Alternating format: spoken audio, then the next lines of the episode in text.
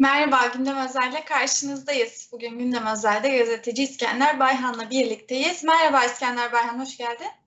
Merhaba Zeliş, hoş bulduk. Her zaman gibi herkese sağlıklı günler diliyorum.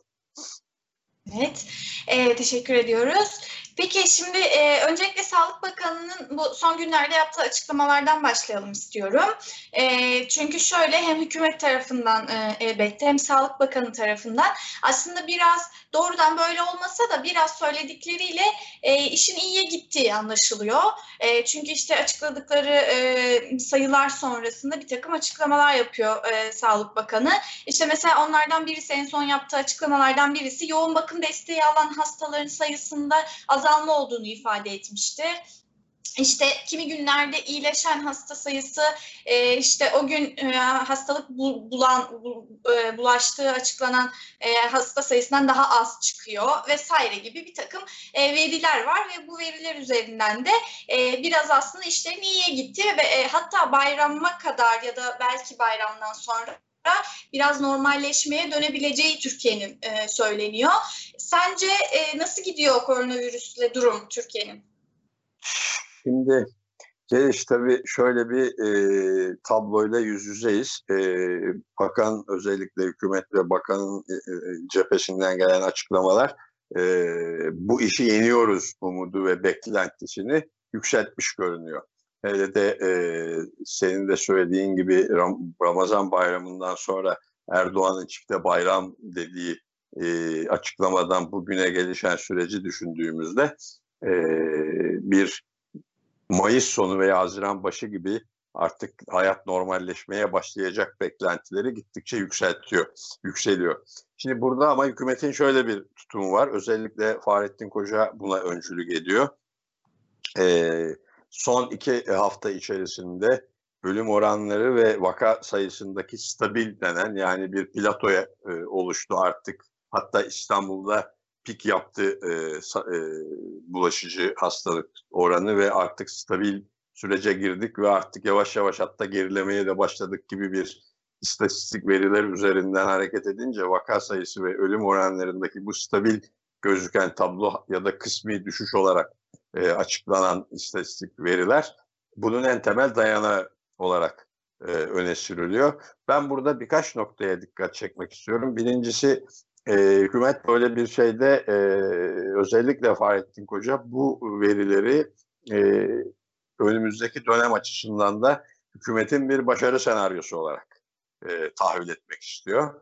E, ve bu e, bir yandan tedbiri de elden bırakmamak adına hala işte dikkatli olalım, uyarıları yerine getirelim e, açıklamaları yapılsa da aslında bu tedavi süreci, rakamlar, ölüm oranları gibi e, e veya e, vaka sayıları gibi rakamlara ilişkin son durumla e, son günlerdeki veriler üzerinden bir başarı hikayesine dönüştürülmeye çalışılıyor.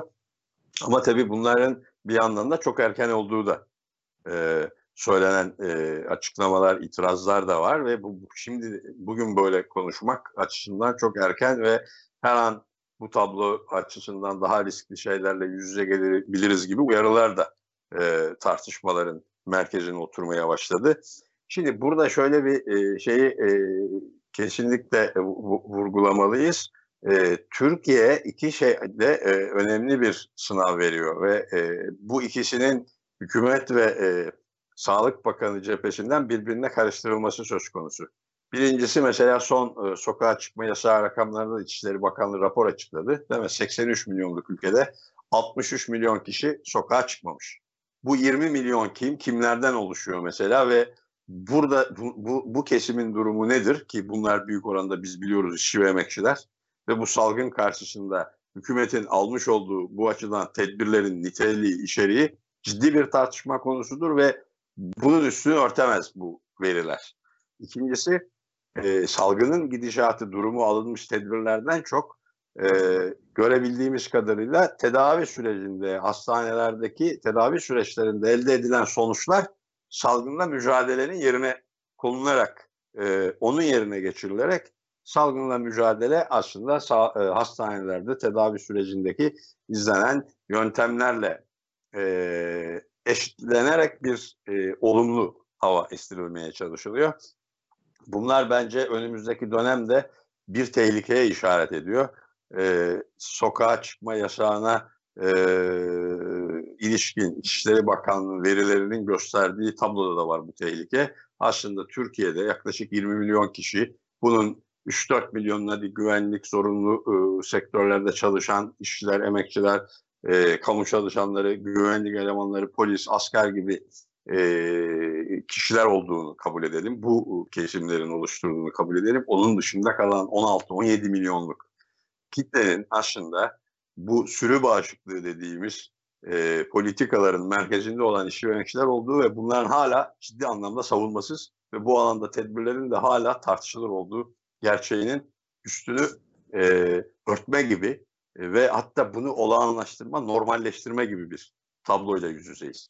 Yani bundan sonra böyle gidince daha az sayıdaki ölümler, uzun sürece yayılmış e, hastalık e, veya bulaşı salgın vakaları bunlar e, normalleşip bir e, moral ortamı içerisinde bir genel olarak bir başarı tablosu içerisinde bu milyonlarca e, işçi ve emekçinin kendi kaderine terk edilmiş halinin e, olağanlaşmasını, normalleşmesini tehlikesi içeriyor ve sanıyorum burada ciddi bir şey, e, hatırlarsan daha önce konuşmuştuk, ciddi bir başlangıç noktası e, Erdoğan'ın e, üretim sürecinde çaklar dönecek açıklamasıyla sözcüsünün İbrahim Kalın'ın e, üretimi engelleyemeyiz, durduramayız, aksatamayız sağlık nedeniyle diye yaptığı açıklamalar burada nirengi noktasını oluşturuyor.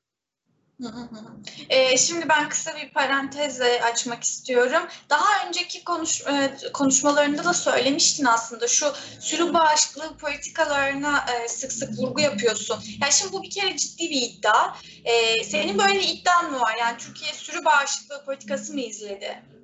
Tabii Türkiye şu anda en azından şunu biliyoruz. Başından beri, salgının başından beri İçişleri Bakanlığı'nın son açıklamasındaki o 20 milyon kişi ve bunun yüzde 95'ini oluşturan büyük oranda işçi ve emekçiler çalışan, emeğiyle geçinen, alın teriyle geçinen işçi emekçilerin bu salgın karşısındaki pozisyonu tamamen bir sürü bağışıklık pozisyonu. Hiçbir alınan tedbir. ikinci aşamada hatta bu kesimlerin ekonomik olarak bunun dışında da diyelim işçi ve emekçiler, işsiz kitleler var. Onlarla birlikte bu kesimlerin ekonomik ve sosyal olarak desteklenmesi açısından izlenen politikalar da tamamen bir sürü bağışıklığı politikasının ifadesiydi. Yani ne eko, sosyal açıdan, ekonomik açıdan bu kesimleri koruyacak ciddi politikalar uygulandı ki bunların rakamları şimdi hem e, Ticaret Bakanı hem Aile e, ve Sosyal Politikalar Bakanı hem de Ekonomi Bakanı'nın verdiği istatistikler, yardım destek istatistikleri de incelendiğinde bellidir krediler, şunlar bunlar, paraların kime nasıl gittiği. Hem de üretimin devam ettirilmesi ve bunun sürekli daha da çemberinin genişletilmesi. Yani üretimin devam ettiği alanların daha da artması e, sürü bağışıklığı e, politikasının çok çarpıcı göstergesi. Ha şunu diyebilir hükümet. Ya biz işte 20 yaş altına böyle bir e, sokağa çıkma yasağı koyduk. 65 yaş üstüne şu kadar zaman sonra so- sokağa çıkma yasağı koyduk. Hafta sonları sokağa çıkma e, yasakları uyguluyoruz. Ama bu bu gerçeği değiştirmiyor. Yani zaten biz şöyle demiyoruz. 80 milyona bir sürü bağışıklığı izliyor hükümet. En azından kendisi için izlemiyor ona eminiz yani. Böyle bir şey söylemiyoruz. Şöyle açık başından beri altı çizilerek vurgulanan ve sal- salgınla mücadele konusunda izlenen stratejide sürü bağışıklığı. Bunu her gün gelen haberlerle e, onlarca, yüzlerce, binlerce iş yerinden, on binlerce, yüz binlerce işçiyi kapsayan e, haberlerle e, bunu hep takip etmeye çalıştık ve burada hiçbir tanesinde de aksi bir tablo ortaya çıkmadı. En son biliyorsun Antep'te 27 yaşında bir işçi ölümü yaşandı ve bu daha önce o fabrikada salgın olduğu ve ona rağmen fabrikanın çalışmaya devam ettiği haberleri üzerine orada bir sendikacı arkadaşımızın gözaltına alınmasıyla da sonuçlanmış bir süreci e, parçasıydı. Ve bütün bu tablo bu sürü bağışıklığı Türkiye'de hükümetin işçi ve emekçiler açısından tam bir sürü bağışıklığı politikası izlediğini gösteriyor. Ne sosyal, e, fiziki mesafe konusu, ne maske, ne çalışma süreleri, ne e, çalışma vardiya sistemleri açısından ciddi hiçbir tedbir alınmadığını gösteriyor. Peki şimdi e, elbette bu gelişmeleri e, yine konuşmaya devam edeceğiz ama bugün ikinci gündem olarak bir başka konuyu konuşalım istiyoruz. Aslında e, koronavirüsün özellikle Türkiye'de bu yayılmasından ve gündem haline gelmesinden önce en önemli gündemlerimizden birisiydi İdlib meselesi. E, biraz İdlib'te ne oluyor diye bakalım mı? E, sen biraz e, baktın neler oldu, neler bitti diye hem bize aktarmanı hem yorumlamanı isteyeceğiz.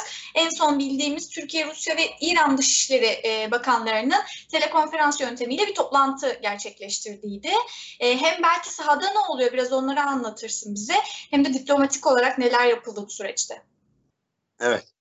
Şimdi e, tabii sürekli korona gündemi yoğun olarak konuşuluyor. Öyle olunca o gündem içerisinde Türkiye'nin belki de korona salgınının hemen öncesinde çok kısa bir süre öncesinde yani salgının ilk vakasını 10-11 Mart diye düşünürsek bizim de mi belki de 5 Mart'tan sonraki ilk gündemimiz o aradaki 5 günlük süre içerisinde Moskova toplantısıydı. Erdoğan e, Putin Moskova zirvesiydi 5 Mart'tan sonra 5 Mart'ta yapılmıştı ve onu değerlendirmiştik.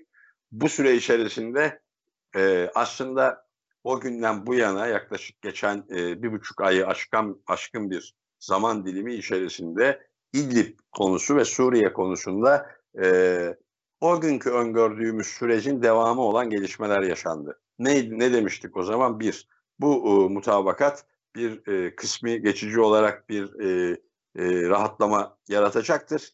Bir soğuma yaratacaktır ama asla İdlib'deki çatışma zeminini ortadan kaldıracak bir özellik taşımayacaktır.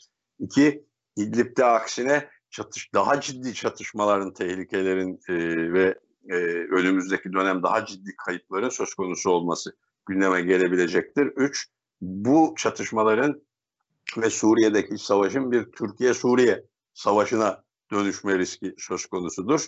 Ve e, son olarak da burada esas olarak çözümün temel e, koşulu olan bu bölgedeki başta Türkiye, Rusya, İran gibi, ABD gibi e, dışarıdan bu meseleye müdahil olmuş ve buralara asker yığmış, üst kurmuş olan güçler buradan çekilmeden ciddi bir çözüm sürecinin başlaması mümkün görünmemektedir diye belli başlı yönler üzerinde duruyorduk. Şimdi aslında bütün bunlar çok daha yakıcı biçimde geçerliliğini koruyor. Bu korona salgınıyla bir şey yaşandı gibi oldu ama şu son bir haftaki gelişmelere bakalım.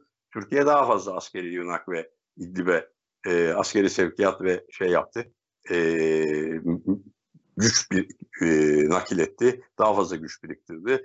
Bu arada hemen bir dizi e, çatışma e, hem İdlib'in belli bir bölümünü elinde bulunduran HTŞ'nin güçleriyle Türkiye'yi de hatta içeren bir çatışma, kapsayan bir çatışma şeyi alevlendiriyor. Oraya hemen müdahale edip bir tedbir almaya çalışıldı. Bir telefon diplomasisiyle bu iş durdurulmaya çalışıldı. Sonra hemen bir Dışişleri Bakanları konferansıyla bir 5 Mart ve daha önce Soçi'deki temel bazı e, bildiğimiz e, kararlar veya ortaklaşıldığı söylenen konular bir tekrar bir hatırlatıldı, gündeme getirildi. Ama çok açık ki şu anda hem HTŞ açısından hem rejim açısından hem Rusya hem de Türkiye açısından İdlib etrafında M4 M5 karayolu etrafında oluşmuş olan e, veya kurulmuş olan statü, denge e, çok bıçak sırtı bir durumda ve bir patladığında çok büyük kayıplar gündeme getirebilecek durumda hem Türkiye'nin askeri gücünü arttırma düzeyi hem rejimin oraya yaptığı yığınak ki rejim kademe kademe hala oralarda müdahalelerde bulunuyor. Yani e, girift bir yapı gibi gözüken tabloda Rusya'nın ve Türkiye'nin bu girift durumu yönetebilme kapasitesi de gittikçe daralıyor, azalıyor, küçülüyor ve her an daha ciddi kayıplar gündeme gelebilir. Evet. Peki çok teşekkür ediyorum aktardıkların için, değerlendirmelerin için. Ben teşekkür ediyorum. Tekrar bir dahaki programa kadar sağlıklı günler, iyi günler diliyorum. Teşekkür ederiz. Bizler de sağlıklı günler diliyoruz. Perşembe yine görüşeceğiz İskender Bayhan'la. Bugünlük gündem özelinin sonuna geldik. Görüşmek üzere.